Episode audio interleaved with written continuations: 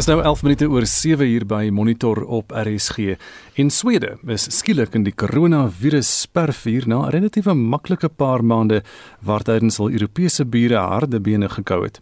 Aanvanklik was die Sweedse filosofie geskoei op die opbou van kudde-immuniteit, maar die afgelope paar weke is daar 'n debat onder wetenskaplikes oor wat die regte benadering tot die virus sou wees. Vir meer oor die twee skole van denke praat ons ver oggend met professor Bertram Fielding. Hy is hoofwetenskaplike by die Universiteit van die Wes-Kaap se Virologie Navorsingsentrum. Goeiemôre Bertram. Goeiemôre Nita, Gustaf. Professor Anders Björkman van die beroemde Karolinska Instituut in Kopenhagen sê nou dat die uh, Sweedse se hantering van die pandemie was van meet af aan geskoei op kudde weerstandigheid. Nou intussen het 150 lede van die Sweedse Wetenskapsinstituut uh, twyfel uitgespreek oor die aanslag of dit die korrekte een is of nie. En ons wil weet watter skool van denke steun jy. Maar voordat jy praat ek het nou die verkeerde ding gesê. Karolinska natuurlik in Stockholm nie in Denemarke Kopenhagen nie. Maar eh, sê vir my hoe voel jy oor die twee skole van denke watter een steun jy? Anita, weet jy, dis 'n dis 'n baie moeilike vraag en ek dink dit hang baie af van die die gebied wat jy jouself in bevind. Ehm um, Maar van die begin af was ek 'n groot fan van kudde-immuniteit opbou. So soos ek sê, dit kan jou baie ongewild maak um, as 'n navorser want daar is 'n risiko. Maar as ons kyk na die na die getal ehm um, uh, positiefs in in Swede, dit neem verskriklik ehm um, vinnig toe die afgelope week was of so. Maar as ons kyk na die sterfte gevalle, die sterfte gevalle is nog verskriklik laag. En ek dink dit kan nog selfs laer gaan in Swede. So ek dink nog altyd kudde immuniteit in Swede sal werk. Kudde immuniteit in Suid-Afrika is 'n bietjie moeiliker. Ehm um, want jy kyk na die gesondheidstelsel wat ons is, die ouderdomsgroepe van ons mense, so die ek kan nie regtig die twee vergelyk nie, maar ek dink kudde immuniteit werk baie goed in Swede op die oomblik. Nou Euronews se mediese korrespondent Per Bergfors sê dat alhoewel vergaderings nou in Swede beperk word uh, van 50 tot slegs 8 uh, 8 mense Is die dra van maskers glad nie verpligtend daar nie? Strook hierdie teenstrydighede in die benadering vir jou? Nie noodwendig nie, Gustaf. As jy kyk, ons Swede beweeg nou winter in en nou nou mense uh, verander hulle gedragspatrone in winter. So mense sal nou meer binne in huis wees en ons weet hierdie virus net soos ander um, respiratoriese virusse versprei makliker as mense in kontak met mekaar is, veral binne in huis. So weer eens, as ons kyk na die getalle, en ons kyk na die die totale sterfte getalle, dis nie baie verskillend van Suid-Afrika nie. Suid-Afrika se sterfte syfer as 'n mate of as 'n faktor van infeksies positief is omtrent 3%. En Swede is 2%. Maar die twee lande ehm um, se ehm um, dit hanteer totaal verskillend. So dis nie regtig teenstrydig nie. Kom ons kyk 'n bietjie na wat die Sweedse premier sê, Stefan Löfven. Hy het nou aangekondig dat 17 van Swede se 21 streke strenger maatreëls ingestel het wat onder meer nou die bediening van alkohol in restaurante na 10:00 saans verbied. Maak dit vir jou sin? En dit om eerlik te wees, in Suid-Afrika het dit my ook nie sin gemaak dat ons um, dit doen nie. Ehm um, in Swede veral, dink ek nie dit maak sin nie onthou die die grootste doel van van um, hierdie tipe instelling is om die druk van jou mediese stelsel af te haal. So die uh, ek dink dit is so 'n goeie idee nie want ek kan van 'n virologie oogpunt maak dit nie baie sin vir ander lande so Swede nie. 'n gepraat van wat die premier daar sê, Stefan Löfven, uh, en jy, jy verwys nou daarna van die gesondheidstelsel, die huidige maatreëls wat die druk op Swede se gesondheidstelsel behoort te verminder en meeste ander lande het dit gedoen as gevolg juis daarvan uh, om te, om die gesondheidssektor aan die gang te hou. Uh, kan hulle dit regkry daar? Oh no, Swede het maar iets soos wat 10 miljoen uh, mense in hulle bevolking en dit is die en die um, stelsel 'n verskriklike goeie stelsel. Mm -hmm. So uh, vir hulle sal dit nie 'n probleem wees nie. In Suid-Afrika aan die begin van die pandemie het dit 'n bietjie sin gemaak. Ehm um, want as jy kyk na die getal gevalle ehm um, alkohol verwante gevalle na 10 ehm um, die gevalle is verskriklik hoog veral oor naweke. So daar was druk op ons op ons mediese stelsel oorspronklik, maar in Swede maak dit nie regtig vir my sin nie en dit strook nie eintlik met wat hulle probeer doen nie. Weet jy, baie interessant. Ek het nou baie opgelees oor Swede die naweek en daar is 'n groot debat in Swede nou in die gang met hierdie twee skole van denke soos wat ek verwys het na hulle wetenskapsinstituut. 150 lede uh, daar het gesê hulle stem nie saam met die oorhoofse Sweedse benadering nie. Maar 'n sosioloog het nou ook gesê jy moet onthou in Swede is mense wetsgehoorsaam wat natuurlik nie die geval in Suid-Afrika is nie. En presies, so as jy kyk na lande so Singapore, as jy kyk na lande, die Skandinawiese lande, as jy vir mense sê jy het 'n hard lockdown, dan sal dit 'n hard lockdown wees. Mm. Weer een sê ek, as ons kyk in Suid-Afrika, hoeveel van ons streke het werklike um harde grendeltye gehad? Verskriklik min. En as jy kyk na ons gevalle en ons uh, wat dit op die oomblik het, dan strook dit met die die die opvallings dat ons nie harde grendeltye ehm um, tye gehad het in baie baie plekke nie. So weer eens sê ek, die Swede doen omtrent 150 000 gemiddeld toetse per week. Dis 'n verskriklike hoë getal. En as jy kyk na hulle bevolking en na die die positiefes en die dodesyfer, is dit verskriklik min en dit dit is ehm um, amper dieselfde wat in Suid-Afrika sien. Bertrand, ons het uh, verlede week op monitor berig oor die nuwe enstowwe en die hele koronavirus gesprek is nou besig om te beweeg na hierdie enstowwe toe en hoe om dit te versprei. Uh Pfizer en BioNTech en ook Moderna het nou enstowwe wat hulle sê min of meer 95% effektief is. Wat dink jy van hierdie verwikkelinge en dis blykbaar een van daai twee is ook uh, vir die eerste keer ooit nie 'n teenliggaam of 'n uh, swakker weergawe van die virus enstof nie. Wat van hierdie verwikkelinge? Ja, so die die een enstof werk op verskillende maniere. Ehm um, so dis 'n dis 'n nuwe tipe enstof wat vir hierdie virusse ontwikkel is. 95% effektief klink verskriklik goed. Ek wil nog baie graag die die veiligheidssyfers sien. Hmm. Ehm um, en ek wil baie graag daai tipe data sien en die rou data. Ehm um, want as 'n wetenskaplike iets kan effektief wees, maar hoe veilig is dit? Watter tipe neeweffekte het dit? Hoe ernstig is daai neeweffekte? En en ek sou baie graag dit wil sien. Onthou wat ons op die oomblik doen, ons vat 'n proses wat 8 tot 10 jaar moet duur en ons doen hom in 8 maande, 5 hmm. maande, 6 maande. So hmm. ek dink on, ons sal 'n bietjie verskillend moet werk. Ons sal die rou data vir hierdie veiligheid vir hierdie ons moet ten minste beskikbaar die wetenskaplikes sodat ons kan sien en ek dink dan kan ons regtig sê hoe effektief en hoe veilig dit is. Ons het nou baie fopnuus wat die rond te doen. Ek weet nie wat die volgende beteken nie of dit waar is of onwaar nie, maar daar's iemand op die SMS lyn vanoggend Bertram wat nou wil weet of dit moontlik is vir die WHO om massa-inentings in lande soos Suid-Afrika af te dwing. Daar's glo 'n boodskap daaroor wat die rond te doen. Het jy dit gehoor? Weet jy iets daarvan? Hoopelik nie, ehm um, Anita. Ehm um, ek dink nie ons kan enige persoon dwing om enige inenting te kry nie. En ek sê van die begin af, al het ons 'n inenting, ek dink nie dit sal 'n inenting vir almal moet wees nie. Mm. Dit sal vir hoë risiko mense moet wees. Mm. So ek het nog niks gehoor van 'n massa afdwinging nie, maar ehm um, ek hoop definitief nie. Men Bertram nou kom ons by waaroor kudde weerstandigheid eintlik werklik gaan. Dit gaan daaroor om 'n sekere persentasie van die bevolking in te ent. En, mm. en en hoeveel moet ons inent om vir dit om te kan werk? Presies Gustav, so aan die begin uh, as ons gekyk het na die wat hulle noem die reproductive number van hierdie virus was oorspronklik so 60%, so 60. En dit is heel waarskynlik 'n bietjie minder nou. So ons kyk na 50 tot 60 60% van die van die populasie. Ehm um, maar oh no, die die groot vraag vir hierdie virus op die oomblik is: Hoe lank sal immuniteit ehm um, hou voor hy weer verdwyn? Hmm. Onthou, ons praat nou van 6 maande miskien 2 jaar, miskien 1 jaar.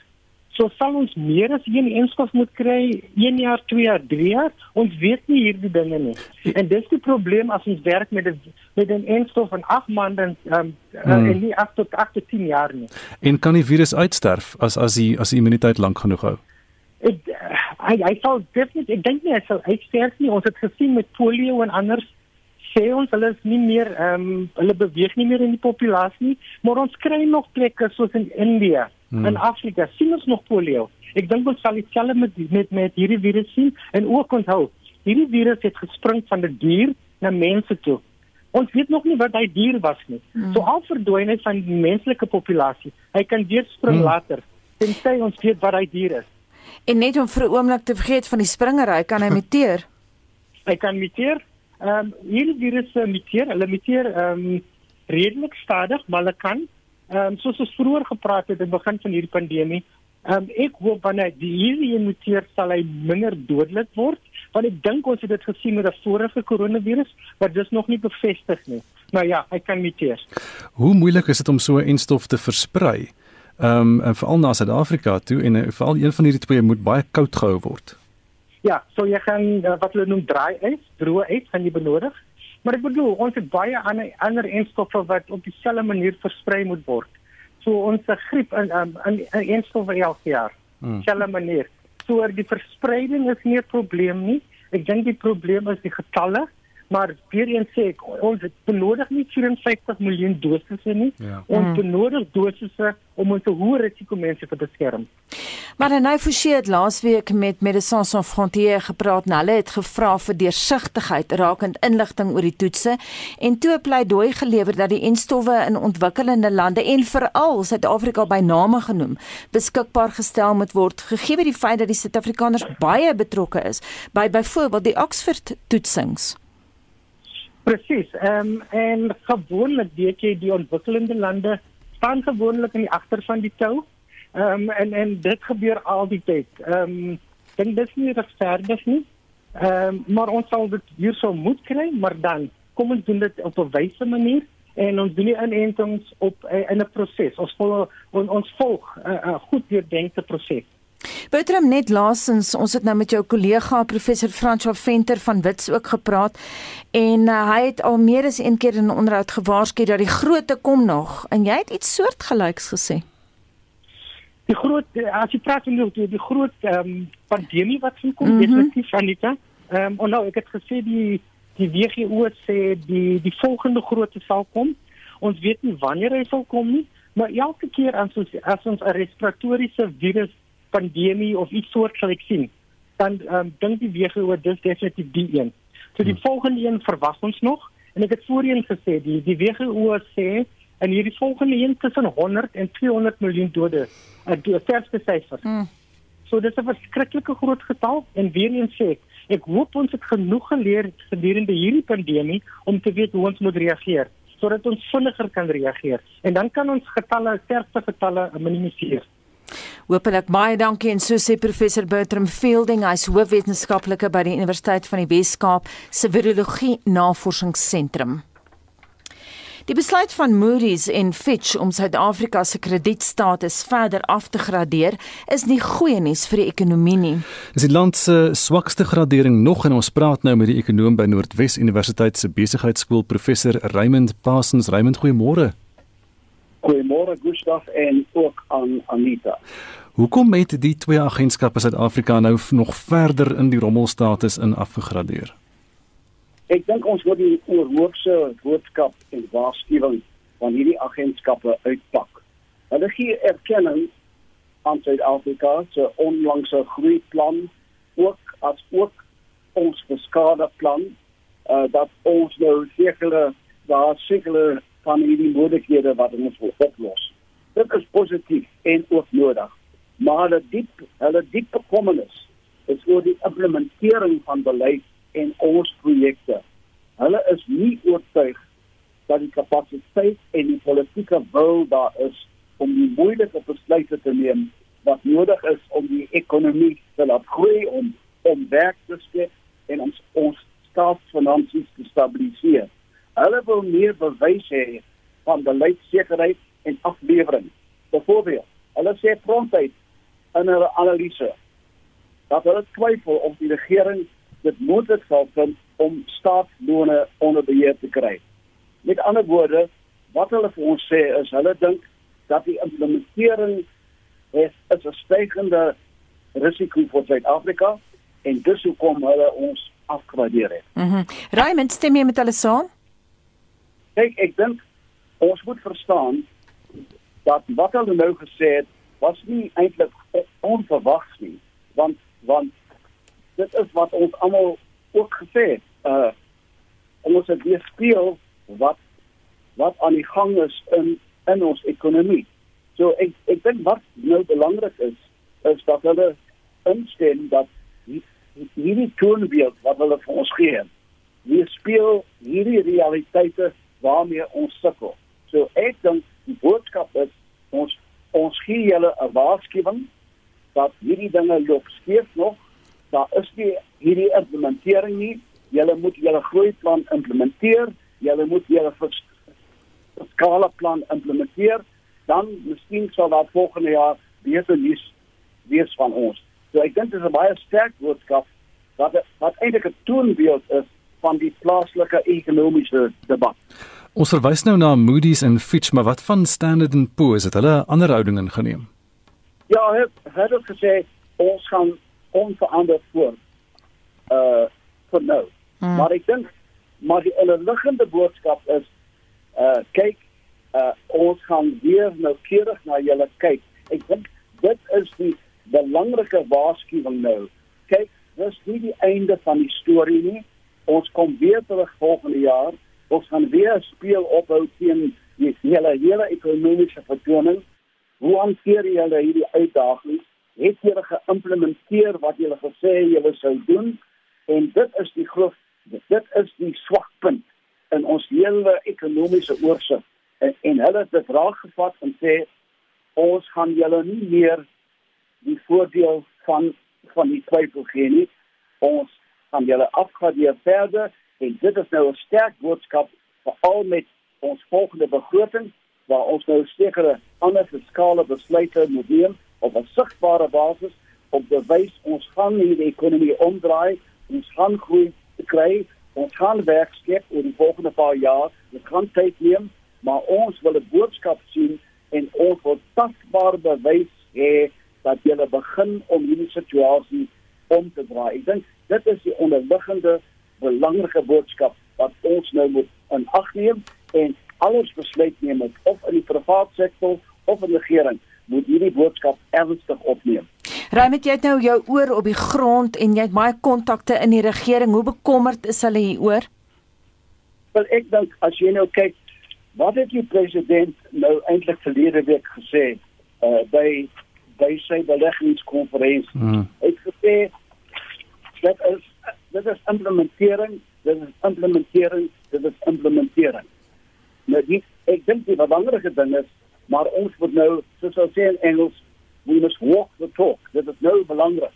Uh ons het nou hier en ek dink dit is waar die agentskappe nou miskien vir ons sê ons het nou hierdie dinge soveel van tevore gehoor ons wil nou tasbaar bewys hê en veral ons weet dat hierdie hele beleggingsstorie is so belangrik. Daar's daar nou eintlik data van die IMF wat bewys dat ons belegging as 'n persentasie van ons bruto binnelandse sê dat sê dat kom dat 16 het afgeneem. Hierdie jaar dink hulle dit gaan so laag as 13% wees. Ons het eintlik 20 eintlik 25% nodig van van ons belegging van ons BBP om groei te kry en werkskeping te kry. Dit is die onderliggende boodskap wat ons het en daar lê 'n moeilike en swaar pad voor, maar ons moet wys dat ons slim is om hierdie harde werk aan te pak en om hierdie ekonomie om te draai. Raymond Bey, dankie. Dit was die ekonom by Noordwes Universiteit se besigheidskool professor Raymond Parsons. En van daai einste SMS se gepraat jy het nou die tafel mooi gedek vir Marlenae. Daar's 'n luisteraar uit die Bertina gebied wat noem dat daar nie RC opvangs is nie. Ons wil net vir jou sê die kwessie geniet aandag. En dan in aanloop tot Swart Vrydag wil ons hoor, is dit 'n foefie of kon jy al werklik goeie winskoopies op Swart Vrydag raakloop? Hier is van ons luisteraars op WhatsApp se mening. Veral met hierdie moeilike tye met eh, COVID-19 deur hierdie jaar 2020 dink ek nie swart vrydag of iets soos dit sou van toepassing wees nie want daar's verskriklike baie mense wie deur baie moeilike tye gaan ek dink iets soos dit waar jy winskoope kon kry of kan kry moet jy reg hierdie jaar doen en nie net op een spesifieke dag nie Goeiemôre gaan oor die 4de jaar hierdie Black Friday is net vir ryk mense bedoel geen arme mens minder bevoorregtes trek enige voordeel uit nie. Want nie een van hulle het geld nie. Hulle beter hierdie uh, afslag op pryse reg deur die jaar op uh, goedere te bring wat almal daaraan kan deel. Willie van Potch Swart Vrydag sal my nie wees sien nie. Ons het laas jaar het ek 'n 3 uur die oggend by 'n groot kettingwinkel in 'n ry gaan staan. Ek was derde en toe die 5 minute voor die deure oopmaak, toe alle hel losgebars en die mense het so klomp barbare verbygedruk en die item wat ek wou koop, daar was blykbaar daar was 22 beskikbaar toe toe uiteindelik deur die gestoei en bekleierery voorkom Toe vertel ons my dis reeds uitverkoop na al die moeite van 3 uur opstaan en 'n ry gaan inval. So ek sal nie dit weer aan myself doen nie. En dan is daar iemand op die SMS-lyn wat sê nee wat, ek gaan myself nie bankrot spaar met Black Friday nie. En Janie van Niekerk stem saam. Hy sê Black Friday is presies wat dit is. As jou geld op daardie dag op bemarkingsfofies gaan mors, lê daar vir jou 'n paar donker swart maan daarvoor en ons het 'n paar mense wat al baat gevind het. Soos Eliza in Durban. Eliza sê ek het 1000 rand op 'n stoof bespaar in 2018 vir 'n verhuurwoonstel. Ek het dit aanlyn gekoop en dit net opgelaai. So hoewel daar mense is wat sukkel, is daar mense wat baat vind. Jock Cape niemand op Facebook is ook een van hulle. Hy sê gekant teen swart Vrydag nie. Hy sê mense kan werklik winskoopies bekom mits jy jou pryse ken en nie net aanvaar alle pryse is 'n winskoopie nie. Plus, jy moet kophou en nie net alles wat jy sien koop nie, gaan doelgerig winkel toe en hou kop. Lani van Vieren sê saam sê sy ek gebruik die geleentheid om kersinkope te doen, maar jy moet jou huiswerk behoorlik doen en jy moet 'n lyse hê en daarbey hou. Ons hoor weer net voor 8 van jou. Kan 'n SMS stuur na 45889, dit gaan jou R1.50 kos. Kan ook saamgestel op Facebook, is facebook.com vorentoe skynstreep ZRSG of stuur 'n WhatsApp stemnota na 076 536 6961. Dis 076 536 6961. Ek moet sê daai arme man wat 3 uur opgestaan het. Dis verniet nie iets wat ek gaan doen en, ooit in my lewe ooit. Absoluut. En toe nie kon koop wat hy wou nie, so hy sal dit nooit weet nie. Dis nou 24 minute voor 8 uur by Monitor op RSG. En op die sportfront was daar onder meer rugby, golf en tennisaksie en eh, Pieter van der Berg het sake oor die naweek beloer. Môre Pieter. Goeiemôre Gustaf. Nou dit lyk vir my of Argentinië se rugby span een van sy grootste seisoene ooit beleef het, of hoe?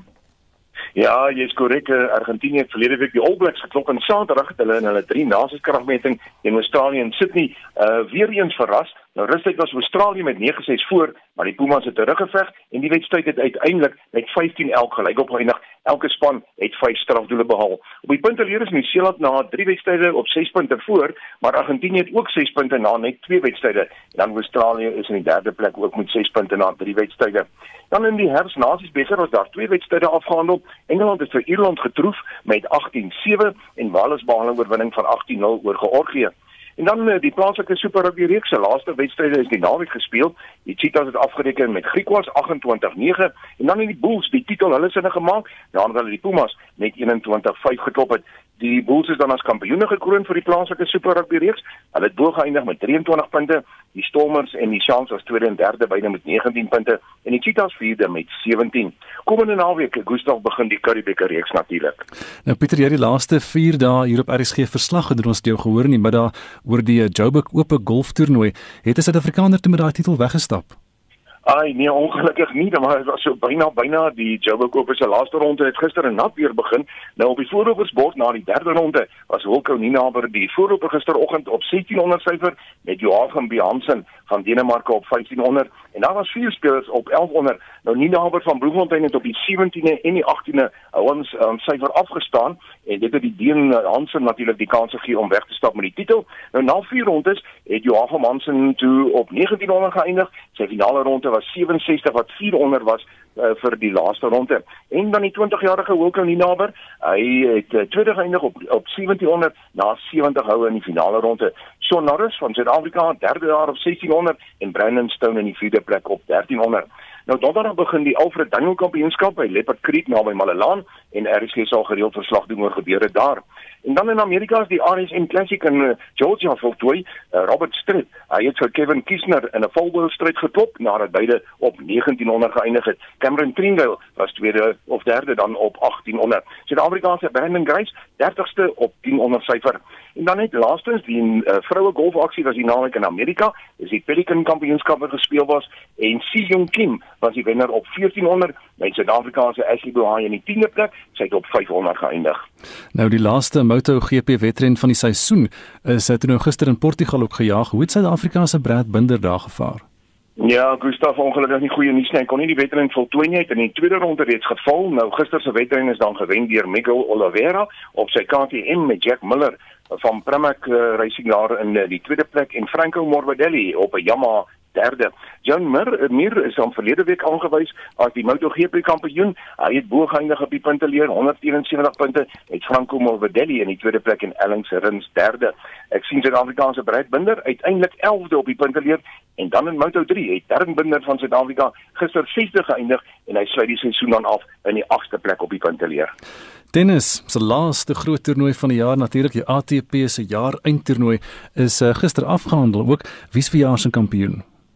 Ja, dis die 50ste ATP Tour finale nou in die halfeind baie verrassend het Dominic Thiem van Novak Djokovic geklop en Daniel Medvedev het afgereken met Rafa Nadal. En uh dit is toe natuurlik die eindstryd tussen die einste Medvedev en Thiem wat gespeel was. 'n uh, uitmergelende finaal gewees. Drie stelle wat Medvedev nodig gehad het om koning te kry 4-6 sy verloor die eerste stel maar wen toe 7-6 en 6-4 die volgende twee stelle. En dit is dan Daniel Medvedev wat as kampioen gekroon is. In die dubbelspel het Wesley Koolhof van Nederland en Nikola Mek Tek van Kroasie uh, as die dubbelskampioen dubbelspelkampioene uit die stryd getree. Nou Saterdag het ons met jou gesels hier op uh, op naweek aktueel en toe jy genoem dat daar klomp sokkerwedstryde voor lê die naweek, het jy vir ons van daai uitslaa Kom ons loop nou van gister se uitslaa in die Engelse Premier League het Sheffield United pak gekry op hulle tuisveld toe West Ham United hulle met 1-0 geklop het. Everton behaal 'n wegoorwinning van 3-2 oor Fulham en dan Liverpool het vir Leicester City met 3-0 getroof. En dan in die DStv se plaaslike Premier League, lyk gister se uitslaa so, uh, Tshikuma het vir Baroka met 1-0 getroof, uh, Mamelodi Sundowns klop vir AmaZulu met 4-3 en Cape Town City behaal 'n oorwinning van 4-2 oor Bloem Celtic. En dit was ons sportmedewerker Pieter van der Berg. Nou is dit tyd vir internasionale nuusgebeure en vroeër op Monitor het Gustaf verwys na die feit dat Chris Christie dis nou een van Donald Trump se raadgewers hom nou aangemoedig het om te aanvaar dat hy die verkiesing teen Biden verloor het, maar uh, ons gaan nou met Estie praat om meer in diepte vir ons uh, verslag te doen daaroor. Essie, jy die vloer. Die voormalige New Jersey goewerneur Chris Christie het Trump se regspan 'n nasionale verleentheid genoem. Trump weier steeds om sy nederlaag te aanvaar en maak ongegronde beweringe van wydverspreide verkiesingsbedrog. Talle Republikeine het sy regspogings ondersteun, maar 'n toenemende aantal het nou van hom weggebreek. Daar word voorspel dat Biden Trump met 306 teenoor 232 setels gewen het, ver meer as die 270 wat Biden sal benodig om die volgende president te wees. Christie het aan ABC ABC nuus gesê die Trump verkiesingsspan bespreek dikwels bedrog buite die hof, maar wanneer hulle in die hof is, noem hulle dit nie. Christie wat die eerste goewerneur was wat Trump in 2016 as presidentsiële kandidaat ondersteun het, het gesê: "Ek was 'n Trump ondersteuner, ek het twee keer vir hom gestem, maar verkiesings het gevolge en ons kan nie voortgaan om op te tree asof iets gebeur het wat nie gebeur het nie." Die politieke ontleder en demokra demokratiese strateeg Kelly Hyman. I would say it's about time. Us in the US, we believe in democracy and Trump has every right to proceed in legal battle in the court. However, there's been no evidence or no showing of any type of fraud. I mean, Trump, as you said, has been tweeting about this for months. And so, in abundance of caution, the people have made sure, belt and suspenders, that the election was secure. And the, people voted, and over 6 million people chose Biden over Trump. And now Trump needs to move forward and uh, unite this country and make sure that uh, Biden's team has the proper stuff to move this country forward and move forward with our allies. En dan dan die politieke ontleder demokratiese strateeg Kelly Hyman en dan beweeg ons na die G20 beraad waar Duitsland se kanselier Angela Merkel haar kommer uitgespreek het oor die wêreld se armste lande en gesê het hulle moet toegang hê tot die COVID-19 en stof. Ja, Merkel het gewaarsku dat die vordering stadig is. Haar kommer kom in die lig dat Amerika aangekondig het dat sommige Amerikaners reeds die eerste entstowwe teen die 11de Desember kan ontvang. Tydens die G20 beraad wat deur middel van virtuele vergaderings in Saudi-Arabië gehou is, het wêreldleiers beloof om arm lande te ondersteun. Sowat 60 miljoen mense is wêreldwyd deur die virus besmet en sowat 1,4 miljoen het reeds aan die koronavirus gesterf. Die hoof van die FSA se entstofprogram, Monsef Slawi, sê hoë risikomense sal die entstof eerste ontvang. The second the emergency use authorization is uh, approved, the ACIP and the CDC will issue their recommendation for who will get the vaccines on a priority basis. That's very likely to be maybe healthcare workers, maybe first line workers, maybe uh, individuals that are at very high risk, elderly. Nou peiling in Amerika het aangetoon dat slegs 60% van Amerikaners bereid is om die enstof te ontvang, maar daar is bevind dat 'n kudde-immuniteit slegs bereik kan word as 70% van alle landsburgers die enstof ontvang, sê een van Amerika se voorste immunoloë, Dr. Anthony Fauci. There are a couple of things that go into the effectiveness of a vaccine program. A highly efficacious vaccine. And we're there. We have two of them that have a 95% efficacy. The other part of the equation is how many people get vaccinated. So if you have a highly efficacious vaccine and only a relatively small 40 50% of the people get vaccinated, mm-hmm. you're not going to get the herd immunity you need. En so sê die FSA se top-immunoloog Dr Anthony Fauci.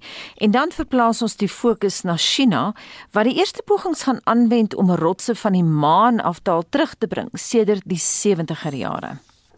Ja, daar word gehoop dat die onbemande ruimtetuig wat Dinsdag gelanseer word, maanrotse sal terugbring om die oorsprong en vorming van die maan te help verstaan.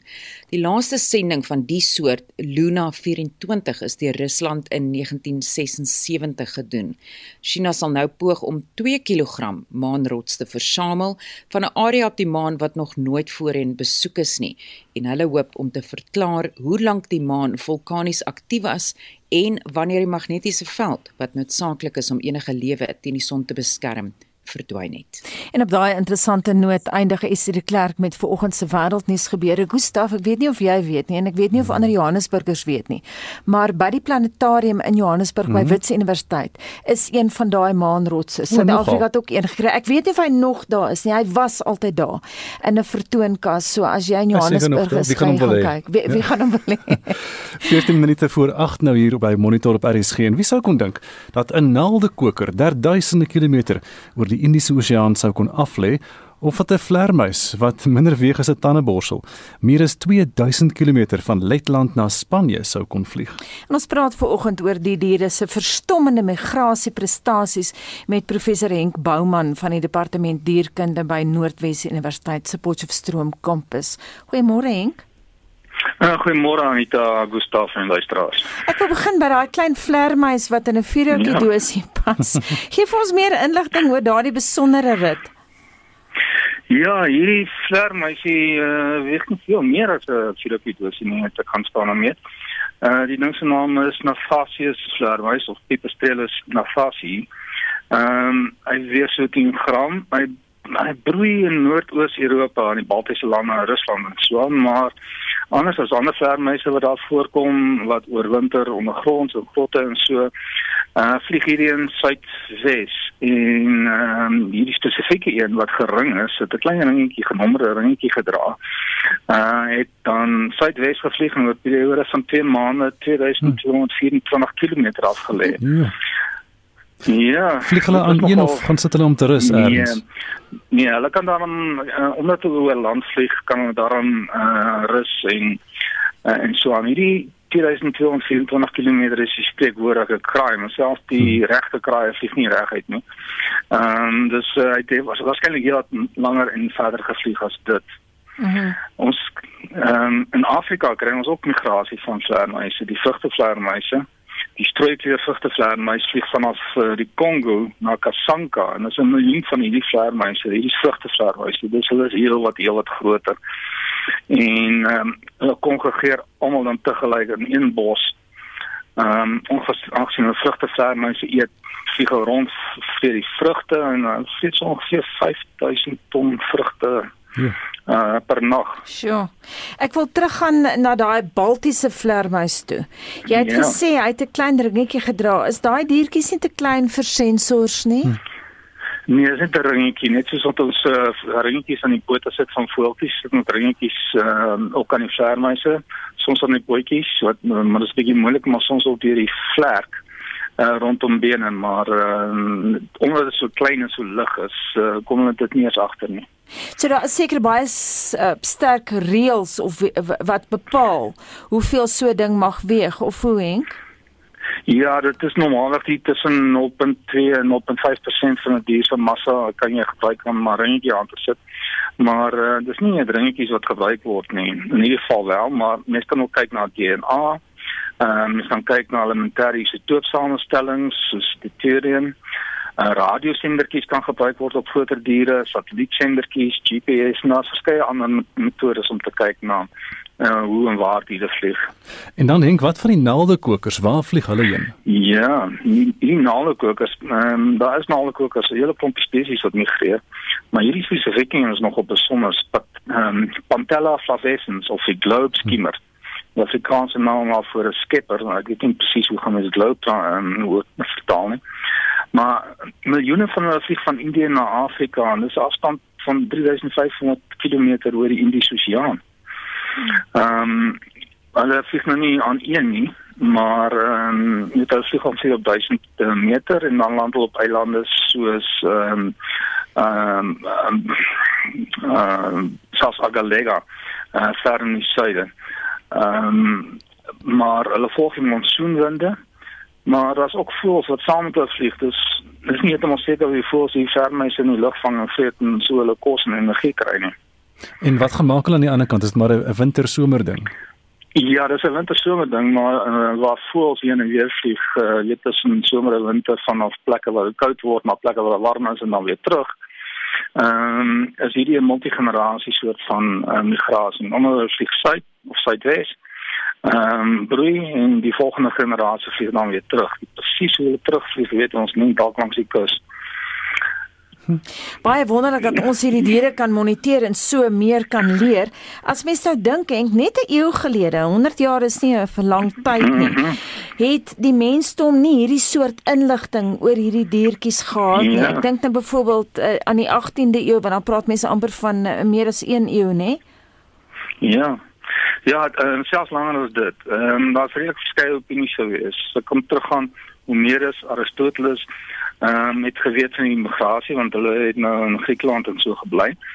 Uh en Griekeland is een van die flyways, die sogenaamde vliegroetes wat migrante wat migrerende voëls uh, gebruik hmm. uh om tussen Europa en Afrika te vlieg. En selfs in Job word daar genoem van valke, ooievaars, kraanvoëls, duwe en windswals.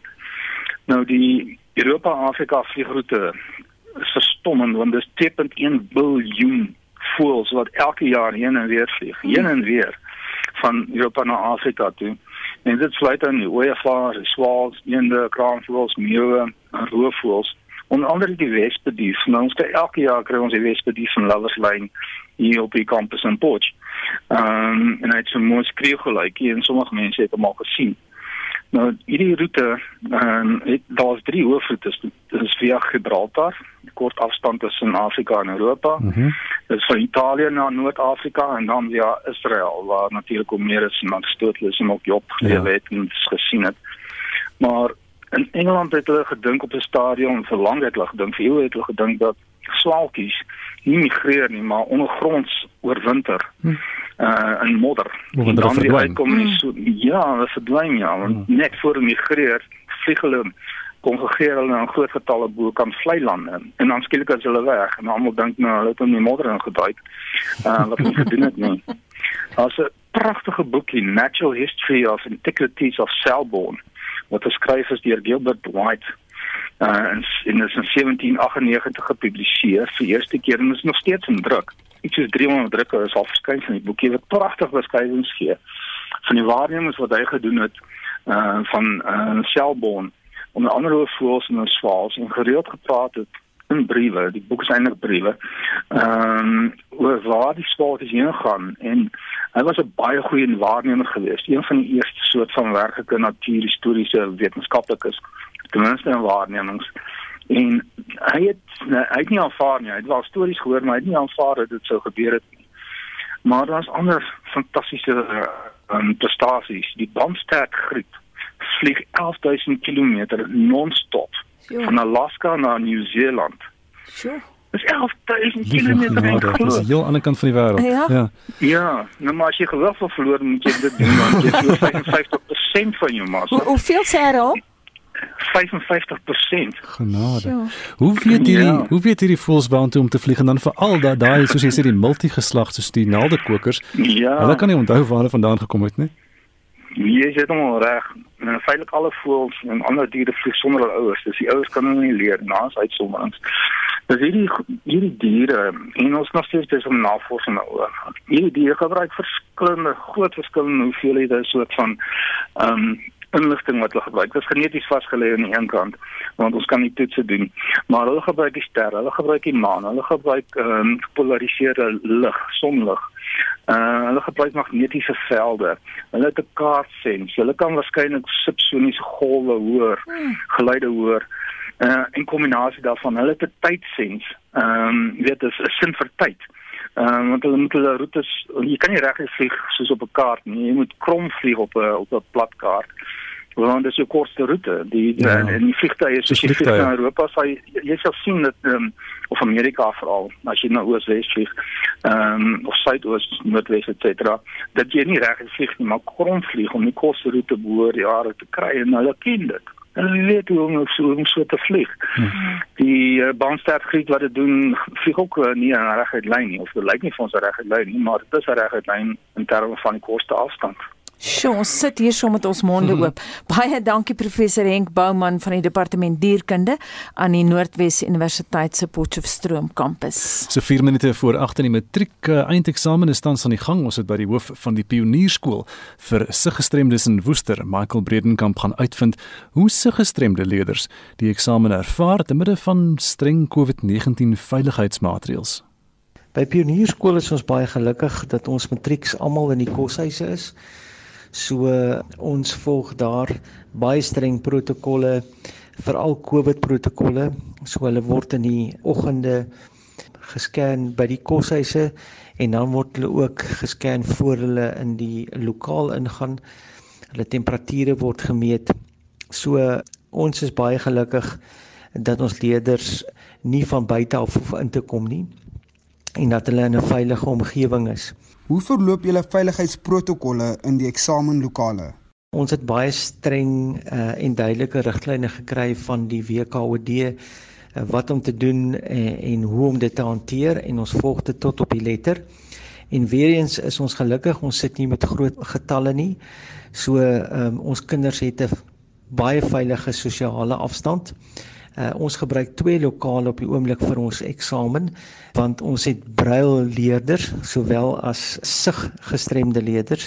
So ons braille leerders en ons siggestremde leerders skei ons van mekaar as gevolg van die lawaai wat die braille masjiene doen.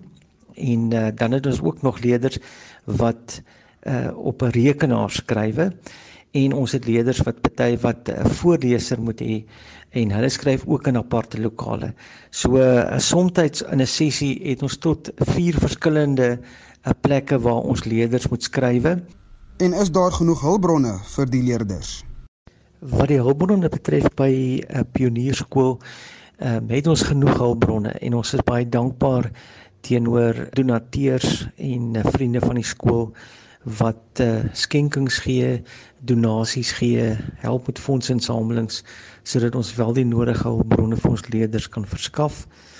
So ons is baie dankbaar vir dit en dan ook die WKOD wat tot ons beskikking is en vir ons sal help met die nodige hulpbronne en en daar waar die nood is, help hulle graag. So ons is baie gelukkig en dankbaar dat ons uh, die nodige hulpbronne vir ons leerders kan verskaf en dat hulle almal uh, daardie hulpbronne het om te kan werk. Die probleem met die maskers. Hoe hanteer die leerders dit gedurende die eksamens? Ons leerders vind die maskers eintlik al heeltemal gewoond. Hulle is gewoond daaraan.